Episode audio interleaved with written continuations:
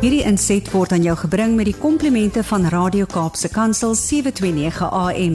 Besoek ons gerus by www.cape pulpit.co.za. Goeiedag luisteraars en welkom by die geselsprogram Kopskuif waar ons elke Saterdag onderwys en skoolgemeenskapsake gesels. My naam is Mirsha Eksteen en baie dankie dat jy 729 AM Radio Kaapse Kansel gekies het om vandag saam te kuier. Ek verwelkom graag vandag vir Jean Pelser en vandag gesels ons oor sommer 'n verskeidenheid van aspekte rondom geestesgesondheid. Jean het onder meer 'n graad in kliniese sielkunde en 'n meestersgraad in filosofie van die Universiteit van Cambridge verwerf. Jean het 'n absolute passie om die voordele van oordenkende gebedspraktyke te ontdek. So baie welkom Jean. Baie dankie Bersa, dit is baie lekker om hier saam met jou en die luisteraars te wees. Ons sien uit na die kuier saam met jou en ook alles wat jy vandag met ons gaan deel. Baie dankie Bersa. Jean, dit voel vir my wanneer mens 'n uh, onderwerp soos hierdie nader trek, is stil word so belangrik om net eers hier te wees. En daarom wil ek vir jou vra of jy net asseblief vir ons vandag se saamkuier met gebed sal begin. Dit sal vir my 'n voorreg wees. Kom ons bid saam. Here Jesus Christus, seun van God, wees ons genadig. Help ons. Help ons Here om in hierdie oomblikke saam opnuut bewus te word van u teenwoordigheid gee ons weer 'n nuwe opregte begeerte om te bid en help ons om stil te word en ons lewens so in te rig om elke dag 'n bewustheid van u teenwoordigheid en liefde in ons lewens te kweek. Amen. Dankie Jean. God is hier teenwoordig en ja, ons dis baie lekker. Baie dankie. Ehm um, Ek weet soos en regtig nie wanneer jy slaap nie. Want dit voel vir my jy publiseer net 'n een boek na ander. So baie geluk. Ehm um, jy het onlangs 'n boek uitgegee, Silencio: The Inner Journey. Wat het die gedagte inspireer en waar die idee ontstaan vir hierdie boek? Mesha, ek is nogals opgewonde oor hierdie boek en die inspirasie agter dit en waar hierdie idee ontstaan het, is 'n interessante storie. Ehm uh, my vrou Liesel, sy is eintlik die inspirasie agter hierdie boek. Uh sy het op 'n dag laas jaar en ek glo uh onder die leiding van die Gees en onder die inspirasie van die Gees, het sy my uitgenooi om my gedagtes te begin neerpen oor gebed. En in hierdie boekie ehm um, is elke hoofstuk is eintlik 'n afsonderlike gedagte wat ek gaan skryf het oor stil gebed. En uh ek skryf ook 'n bietjie oor die uitdagings wat 'n mens op so 'n kontemplatiewe gebedsreis kan ervaar. Uh die boekie is so geskryf um om mense te help om jou gebedspraktyk in jou lewe te vestig. En in my um boekie bemoedig ek lesers aan om deur te druk en aan te hou uh wanneer dinge begin moeilik raak om stil te word en te bid. Uh in die boekie deel ek ook hier en daar kort wysheidstories van uit die woestynvaders en moeders. Um hulle wat God se aangesig gesoek het in die stilte van die woestyn. En ek deel ook hier en daar kort brokkies uit my eie gebedsreis en my ervaring met ander Christene en Christelike tradisies waarmee ek nie groot geword het nie. En soos ek genoem het, die hoofstukke in die boek is vrystaande wat lesers dan ook vryheid gee om hoofstukke te lees of te luister. Die boek is ook in 'n audioboek beskikbaar. So hulle kan lees of luister net soos wat dit hulle interesseer. Maar om jou vraag te antwoord, my vrou Liesel is die groot inspirasie agter hierdie boek. Jy moet vandag terug aan huis toe vir 'n stywe druk gee en dan ook 'n kompliment aan jou dat jy wel gehoorsaam was, want ek dink hierdie is 'n kosbare skat wat mens regtig Ja, laat dink oor gebed en dit bring my dan nou by my volgende vraag. Ek dink ons beste voorbeeld wanneer 'n mens praat oor gebed is seer sekerlik maar Matteus 6, nê? Nee? En ja. ehm ja. um, so hoe dink jy dink mense oor gebed? ek het onlangs Matteus 6 uh, weer gelees en uh, die Here Jesus gebruik 'n hele paar interessante dinge wat hy daaroor gebed gesels en ehm um, ek dink dit ehm um, koppel sterk met ons gedagtes oor gebed veral miskien in ons eie taal en kultuur en so. Uh, baie keer wanneer ons aan gebed dink, uh, beperk ons dit gereeld aan 'n mm. gesprek uh met God wat woorde vereis. Ehm um, en en daar's verskillende tipe verbale gebede wat ons kan bid. Verskillende gebedsforme, byvoorbeeld uh, ons kan 'n gebed bid van danksegging, ons kan smeekbede uh, bid waar ons die Here vir iets vra of ons kan ook voorbereiding maak vir ander mense. Mm. Maar al hierdie verbale forme van gebed, uh, dit kan ons regtig help om in gesprek met God te tree uh, oor ons behoeftes, oor dit waar ons besorg voel uh, en ook ons um, weet wanneer ons bekommerd is vir ander mense uh, kan ons vir hulle bid met verbale gebed uh, wat ons uh, ons gebed in woorde sit en met die Here praat. Uh, en en ons kan ook verbale gebed gebruik om dankie vir die Here te sê uh, vir al sy goeie gawes. Um inderdaad nooi Paulus ons uit en hy sê maak jou um gebed aan God bekend deur woorde. Hy sê deur gebed en smeking in Filippense 4 vers 6. Uh, en dit is reg en dit is goed so. En daar's 'n tyd en 'n plek wanneer ons ons versoeke aan God moet rig met ons woorde en wat ons ons diepste hartsversigtings aan God moet bekend maak en verbaliseer.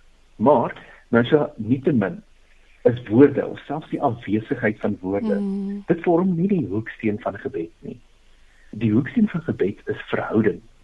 En 'n uh, interessante ding wat ek wel raak lees in Matteus 6 is dat Jesus ook die volgende sê: Wanneer hy sy disippels leer om te bid, dan stel hy hulle gerus en sê vir hulle weet julle wat God weet reeds wat julle nodig het mm. selfs voordat julle hom vra ek dink dit is Matteus 6 vers 8 mm. so wanneer ons ons versoeke aan God bekend maak is dit feitelik reeds aan God bekend so net om kortliks op te som ek dink baie keer wanneer ons aan gebed dink dink ons aan woorde en verbale gebed baie dankie en wat jy nou sê is rondom verhouding en ons kommunikasie met God en ons kan ook soos jy nou uitgewys het met God kommunikeer sonder om woorde te gebruik. Wil jy bietjie uit daai hoek uit gesels? Ja, uh mens het iets waarmee ek eintlik nie groot geword het nie. Um is 'n vorm van gebed wat ons stil gebed noem. En stil gebed is anders as ons tradisionele gebede wat woorde of praat behels uh jy weet ons gewone gebiede is soos wat ek vroeër genoem het soms smeekbede, dankseggensgebede en so voort. Maar vroeggebed is anders want dit behels die uh uh, die ingesteldheid van aktief te luister. Uh vroeggebed het te doen met 'n openheid om van God te hoor wat God wil sê. En vroeggebed verg ook um daardie opregte bereidwilligheid om van beheer te laat gaan uh die manier wat ek groot geword het in my Christelike tradisie uh het ek baie keer gevoel ek moet hier in beheer wees. Ek moet vir die Here sê wat hy moet doen, hoe hy dit moet doen, wanneer hy dit moet doen. So sulgebed is regtig 'n teenpool in daai sin want dit vra my om van beheer te laat gaan. So met ander woorde sulgebed behels hierdie postuur van oorgawe. Uh dit vra van my 'n tipe van 'n weerloosheid hmm. en kwesbaarheid en uh deur net in stilte saam met God te sit. Dit is 'n bewys van 'n baie diep vertroue in God, soos ek vroeër genoem het Matteus 6:8 waar Jesus sê God is reeds bekend met dit wat ons nodig het. Um en dan laastens 'n gedagte oor slogwet is dit dit vra daardie kwesbaarheid, uh, maar dit vra ons vir daardie een ding dit wat nie van ons af weggeneem kan word nie. Jesus praat van Maria in Lukas 10:42. Hy sê daar is regtig net een ding wat nodig is mm. om besorg te wees. En Maria het dit ontdek. En ek gaan dit nie van haar af wegneem nie. Mm. En daardie ding is slegs net om by die voete van Jesus te sit. Sjoe. Ja, daai is nou baie mooi opgesom dat ons afhanklikheid en stil sal word en by die voete van die Here gaan sit, nê? Nee. Ja. Nou as mens so praat oor sit by die Here se voete en sommer net stil raak, ek dink die dolle gejaag en die eise van die lewe. Partykeer is dit net so besig dat mens in jouself voel dat jy nou net moet stop, dat jy 'n behoefte het aan stilte. So hoe hoe daag mens jouself uit? Het jy raad van net daai daai doelbewuste, okay, stop nou net. Fokus net, rus net, kry vrede. Mersha, dit dit is vir my nogal kommerwekkend want die pas van ons lewens mm. is besig om te versnel. Mm. Op 'n stadium moet ons stadiger begin stap. Op 'n stadium moet ons begin ewe doelbewus word. Ja. En intentioneel ehm um, ons lewens probeer stadiger maak in die teenpool vat van versnelling. Hm. Ehm um, ergens in ons dag moet ons dalk net 'n bietjie tyd inbou vir stil word. Ehm um, die Ou Testament se beginsel van van Sabbat uh, is eintlik nog steeds 'n goeie ding nie in terme van eh, 'n uh, wet of weties wees nie, maar om te kyk na wat is die ehm um, wat is die idee agter dit? Mm. En ons moet eintlik 'n bietjie tyd maak vir Sabbat en tyd maak in ons lewens vir niks doen. Ehm um, gepraat van Sabbat is daar iets wat ek onlangs raak gelees het. Hulle praat van 'n digitale Sabbat. Oh, dit is wanneer ons 'n 'n tydperk vat wat wat ons afstand doen van ons devices. Ja. Byvoorbeeld ons elektroniese toestande, skootrekenaar, tablet, uh slimfoon, slim horlosie, waar dit net vir 'n oomblik bietjie kan afskakel. En dit is dit is my raad, ek is mm. dan om raad te gee, maar dit is my raad om net so 'n bietjie stilte, rus en vrede mm. in ons lewens in te bou. Dis goeie raad. Baie dankie. En dan mense moet maar voortdurend in gesprek met jouself. Soms belê jy positiewe woorde in jou menswees en ander kere dink ek raas mens weer bietjie met jouself. Maar gesels bietjie met ons oor daai daaglikse gesprekke wat mens met jouself het. Nisha, ons het elke dag soveel innerlike gesprekke met onsself. Ons het duisende kompeterende gedagtes. Ons dink aan daardie sterdatum, ons dink aan die wasgoed, daai inbox wat oorvloei en al daardie rooi notifications op ons foon. Ons aandag is verdeel en die lewe trek ons in 'n rigtings en dit is so moeilik om onsself net te anker in die oomblik en om ons gedagtes te stil. En soms kan ons gesprek met onsself ook ehm um, baie krities van aard wees. Uh, daardie stem, daardie kritiese stem en daardie selfkritiek wat ons het teenoor onsself is, kan baie hard word. En uh, stilgebed het ek gevind is dalk 'n manier om daardie kritiese stem net bietjie te begin stil maak en miskien uh, my ore oop te maak om te hoor, maar wat dink die Here van my? Hoe voel die Here oor my? Ehm um, en en ons kan ehm um, agterkom dat die Here se stem is nie daai kritiese stem nie. Uh dit is uh, daadwerklik anders en dit is hier waar stilgebed ons regtig kan help om 'n uh, ander tipe stem te hoor in hierdie duisende kompeterende gedagtes en daardie selfkritiek net bietjie stiller te maak. En dan nou, ek weet 'n um, groot deel van jou boek verpak jy en bespreek jy en beskryf jy gebedspraktyk. So hoe begin 'n mens 'n gebedspraktyk? Eerstens voordat ek praat oor die praktiese aspekte, dink ek dat 'n gebedspraktyk is so belangrik want dit help ons om ergens in die dag net ons gedagtes bietjie te kan stil. Uh in ons kan selfs 'n gebedspraktyk beoefen waar ons deur die loop van die dag ons gedagtes probeer stil met uh, iets soos 'n skietgebed. Hmm. Maar ek sal dalk 'n bietjie later weer daar gesels. Maar waar begin mens, Marsha? Waar waar begin mens om 'n gebedspraktyk te vestig in mense lewens? Uh ek wil teruggaan na Matteus 6 toe. Uh Matteus 6 vers 6 in die nuwe lewende vertaling uh sê Jesus, hy sê wanneer jy bid, gaan na die stilste vertrek in die huis toe. Maak die deur agter jou toe hmm. sodat jy daar in jou alleenheid tot jy Vader kan bid. So die een van die groot belangrike plekke om te begin is vind 'n plek. Mm. Vind 'n plek waar jy nie onderbreek sal word nie. Maak daardie plek jou gebedshoekie. Maak dit 'n plek van afsondering. So dit is ek gaan ek sal vir ons vier stappe noem oor 'n gebedspraktyk. Stap 1 is vind 'n plek. Stap 2 is maak tyd. Kies 'n vasgestelde tyd wanneer jy so gebed wil beoefen en hou by daardie tyd so ver jy kan. En miskien wil jy wil jy altyd daardie spesifieke tyd bid. Uh baie keer sê jy ja, ek wil dit later doen of ek kan enige tyd bid. en dan kom jy op 'n plek waar jy eintlik dan nooit fit nie. Ja. Maar so stap 1 vind 'n plek, stap 2 maak tyd, 'n vasgestelde tyd. En dan ehm um, die derde punt van hoe 'n gebedspraktyk te vestig is, kies 'n tydperk.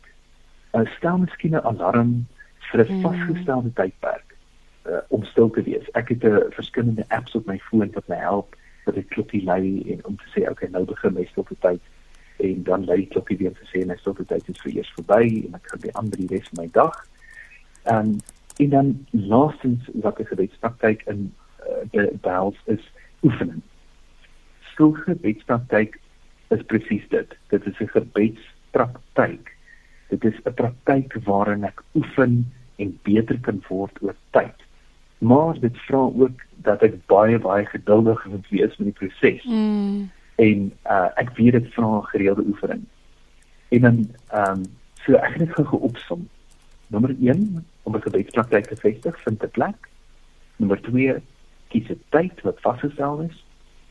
Uh nommer 3 kies 'n tydperk van hoe lank jy wil bid en nommer 4 oefen. Stilgebed is 'n gebedspraktyk wat oefening vra. So dink jy dit is moontlik om doelbewus jou lewe te vereenvoudig? Ons het nou al bietjie gepraat oor daai ek wil amper sê daai raak ontslaaf van elektronika onnodig en onthou bietjie van tegnologie Sabbatdag en en en. So dink jy dis moontlik om doelbewus jou lewe te vereenvoudig? Ja, Mesha, ek dink dit is moontlik Mm. mm. om mense lewe uh meer te vereenvoudig. Ek dink daar's uh 'n hele paar dinge in praktyke wat ons lewens kan inbou om ons lewens te vereenvoudig. Daar's 'n um 'n boonbehalwe dat mens, jy weet, dalk uh, jou notifications kan stil maak. Uh, 'n praktyk wat ek geoefen het wanneer ek bietjie tyd vat en deur my uh e-mails se inbox gaan Mm. en dan gaan ek doelbewus om te unsubscribe van verskeie nuusbriewe. En sodoende maak ek my my inbox stiller. So ek daar's minder uh, geraas wat dan Mm. uh, in my lewe inkom. Daar's ook 'n sekere tyd van die dag wanneer ek my elektroniese toestelle afskakel.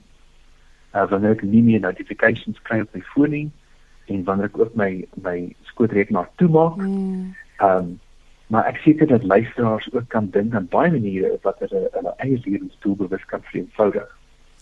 Ehm um, ek wil op hierdie noot iets noem, nog iets wat ek in my lewe moes doen of probeer doen om my lewe te ver- vereenvoudig is om gejaagdheid doelbewus uit my lewe uit te bou. John Ortberg het gesê, "Hurry, gejaagdheid is the great enemy of the spiritual life." I say you must ruthlessly eliminate hurry from your life. Sjoe, daar is 'n uitdaging, nê? Nou, die Absoluut. sê hoe, anker mens jou in die hier en die nou? Hoe kry jy dit reg om amper sê mindfulness te leef?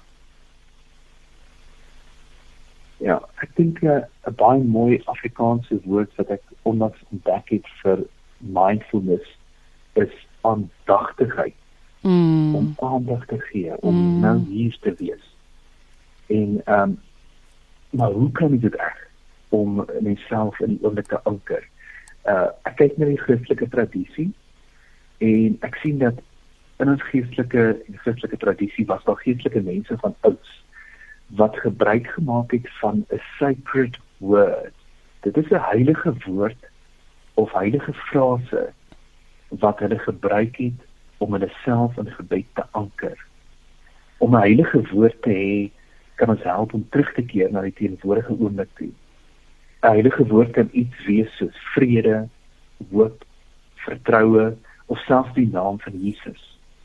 Uh dit kan ook 'n kort frase wees wat ons oor en oor kan bid om ons weer te anker in die oomblik.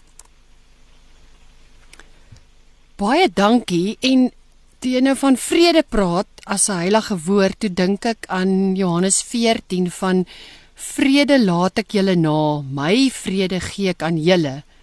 Nie soos die wêreld gee, gee ek aan julle nie.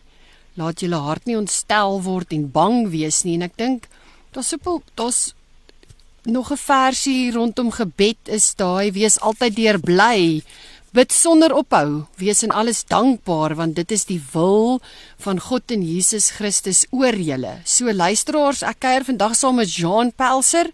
Dis 'n heerlike onderwerp wat ons dan nou oor gesels, maar bly by ons, ons vat net 'n vinnige breek en dan gesels ons verder hier op Kopskyf Kaapse Kansel 729 AM. Welkom terug luisteraars, u's ingeskakel op Kopskyf Kaapse Kansel 729 AM. Ek gesels vandag met Jean Pelser. Jean het 'n absolute passie om die voordele van oordenkende gebedspraktyke te ontdek en ons het voor die breek sommer net lekker gesels oor maniere om 'n gebedspraktyk te vestig. Hoe kan mens jou lewe doelbewus vereenvoudig en hoe kry mens dit reg om in die hier en die nou te leef? En dan Jean, bring dit my by 'n volgende vraag. Ek dink oor die woord dankbaarheid. Wil jy bietjie met ons oor die woord dankbaarheid gesels? Mens jy net voor ons breek het jy uit Tessalonisense vir ons 'n stukkie gelees waar Paulus sê wees altyd dankbaar en uh, bid sonder ophou. En miskien sal ek se so bietjie meer oor die bid sonder ophou uh, mm. deel later. Uh, maar in terme van dankbaarheid, ek weet nie of jy al agtergekom het nie, maar uh boeke oor dankbaarheid deesdae is verskriklik populêr. Mm. Uh jy weet veral as jy in 'n boekwinkel gaan na die uh, selfhelp afdeling toe, is daar soveel boeke oor dankbaarheid en so voort. En um baie baie um boeke selfs oor dankbaarheid as 'n manier om eintlik jou uh, geestestoestand te verbeter of jou welstand te verbeter en daai tipe van ding. En dit is goed so en die wetenskap bewys dat dankbaarheid definitief werk. Dankbaarheid is is baie kragtig om ons uh, geestelike gesondheid te verbeter. Maar 'n ding wat ek gesien het wat wat my dalk so 'n bietjie ontstel is dat baie keer word daar 'n tipe van dankbaarheid gebruik net om onsself te dien. Mm. Dit gaan nie oor my, dit gaan oor dat ek beter kan voel. Uh dit is 'n soort van iets wat jy wat in die stand te die greep is van die positiwiteitsindustrie is is daar die selfabsorpsie wat dankbaarheid betref. Maar eintlik is die gees van dankbaarheid. Uh is glad nie oor ehm um, belangstelling in jouself nie. Mm. Dit die hart van dankbaarheid is altyd daardie begeerte om terug te kan gee. Uh so dit is net so so 'n paar gedagtes rondom dankbaarheid, maar wat dankbaarheid betref, dit is reg aan die hart van gebed. Jy weet wanneer ons begin dink in ons verhouding met God, daar's ons ehm um, met dankbaarheid God is die een wat alles gegee het. Ja. Ons is die een wat alles ontvang het. En en daarom is dit wat ons regtig verskuldig is aan God op die beste moontlike manier is dankbaarheid. Mm. Ons kan nooit vir God terugbetaal of teruggee mm. dit wat hy vir ons gegee het in sy seun Jesus Christus nie.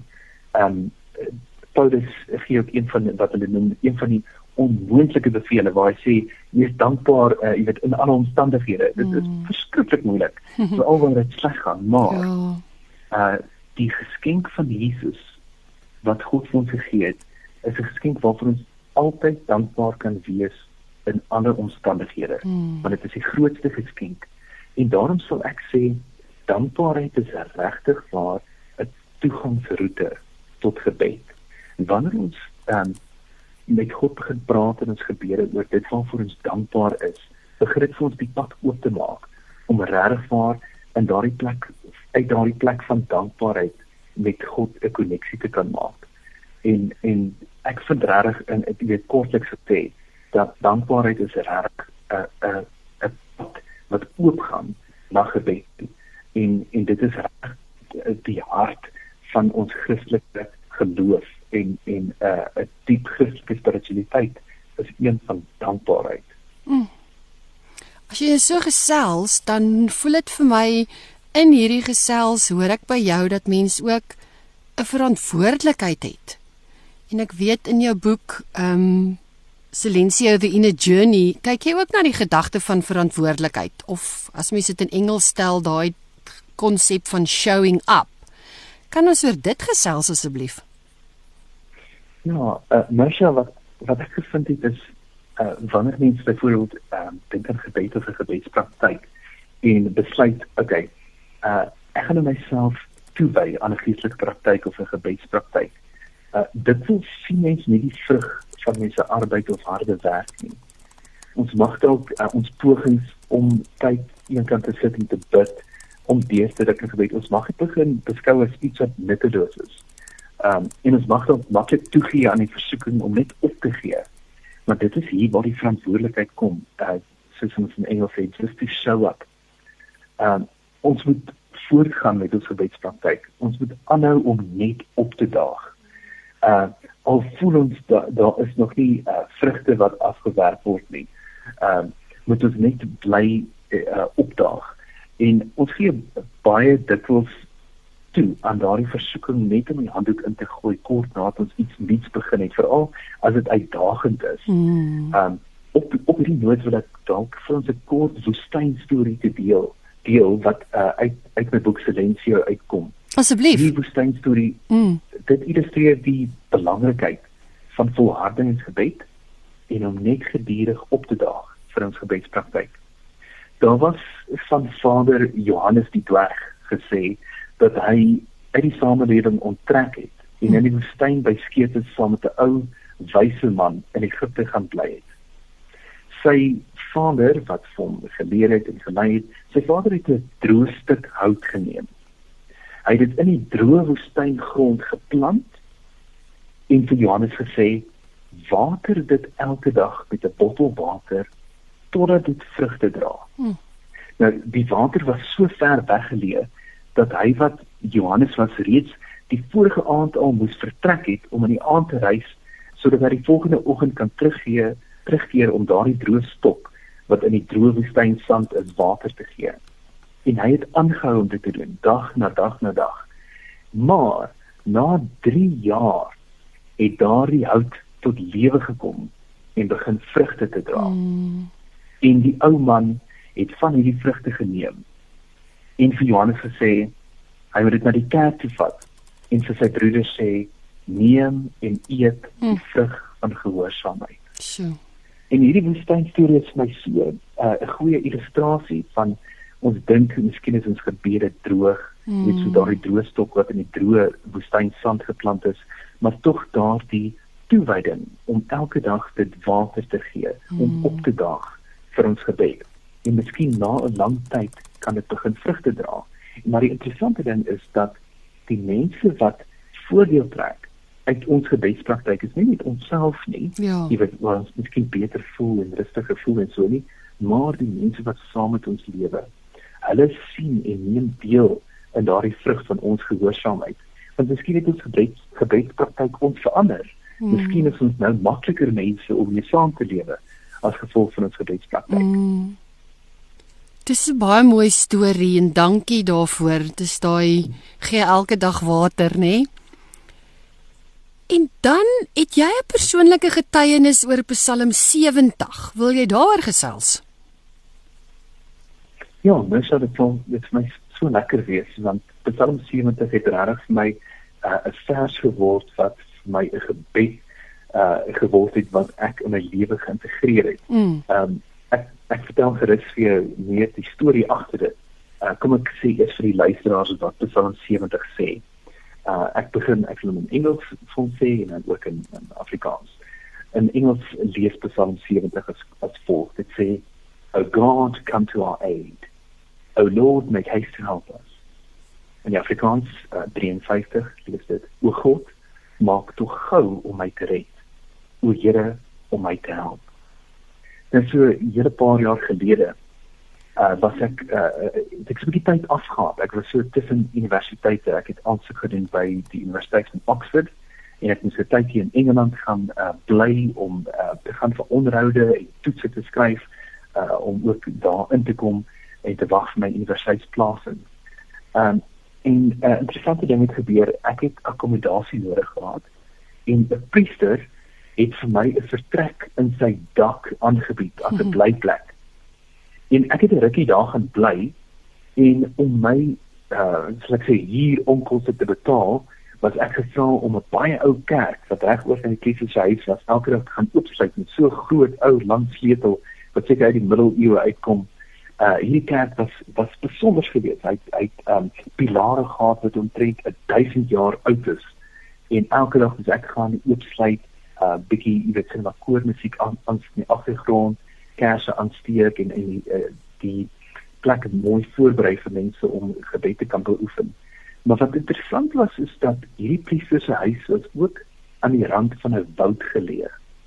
En aan die ander kant van die woud was daar 'n Benediktynse klooster. En ek het 'n bietjie gaan kuier by hierdie klooster. En ek sou uh, bedag uh, my stewels aantrek en dan hierdie woud wandelpad ander en gaan trotseer om al die pad kloosters te stap om bietjie saam met die monnike te gaan bid dit het omtrent 'n ongeveer 'n uur gevat om daar toe te stap en 'n uur weer terug. En soms self in die nag het ek deur hierdie woud gestap. Maar ek het 'n interessante ding ehm uh, beleef daar by Monike Mersa. Hmm. Uh, ek het gehoor dat hulle hulle gebedstyd uh oopmaak altyd met Psalm 70. Die Monike bid soos hulle oopmaak en sê, "O God, come to our aid. O Lord, make haste to help us." O God, maak toe gou om my te red mm. o Here om my te help. En hulle het dit pragtig gesing in in in hierdie mooi koorstemme.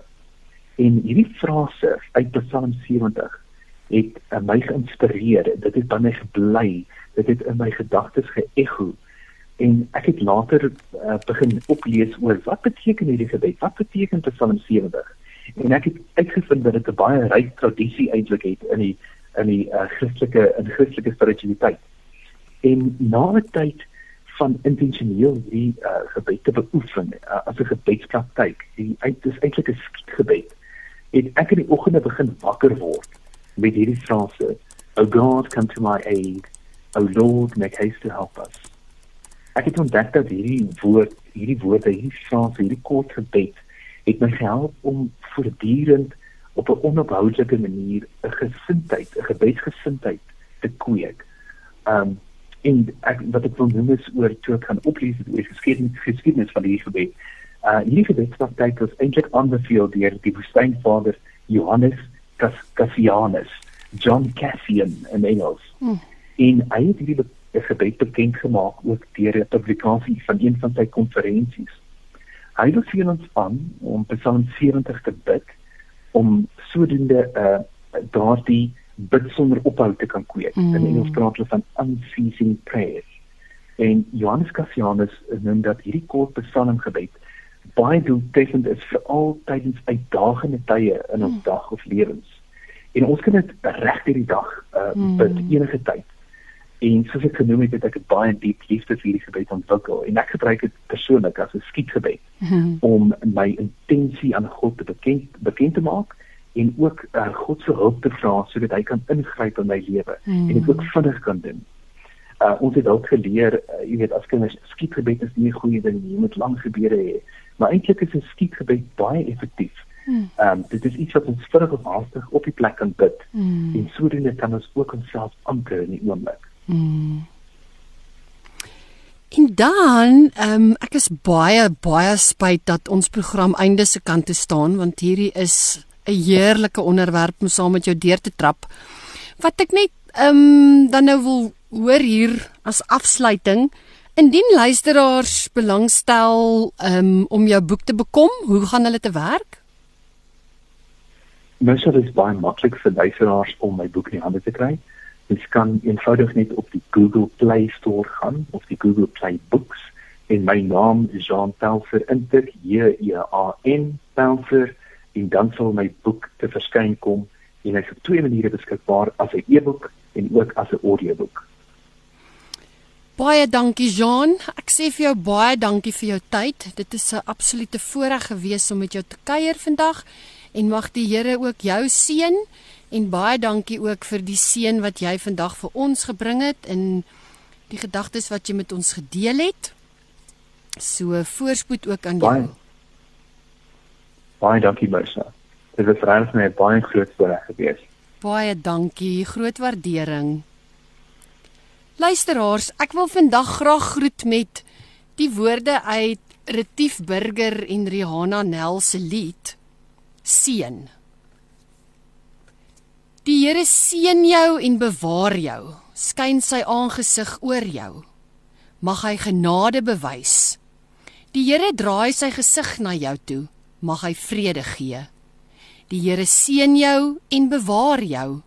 Mag sy guns rus oor jou lewe en 'n duisend generasies, jou familie en jou kinders en hulle kinders en hulle kinders. Mag sy vrede jou vooruitgaan, agter jou staan en langs jou staan. Dit omring jou.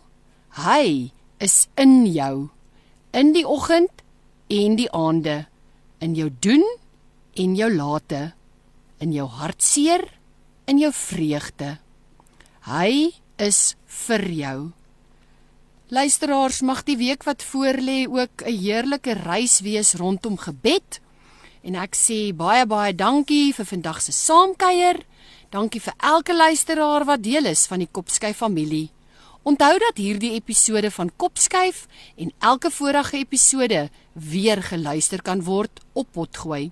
Besoek www.capepulpit, klik op Potgooi en dan op Kopskyf. Skakel elke Saterdag om 4 tot 5 by 729 AM Radio Kaapse Kansel in waar ons onderwys sake gesels. Want ons by die ATKV glo dat onderwys almal se verantwoordelikheid is. Ek groet tot volgende week. Hierdie inset was aan jou gebring met die komplimente van Radio Kaapse Kansel 729 AM. Besoek ons gerus by www.cape pulpit.co.za.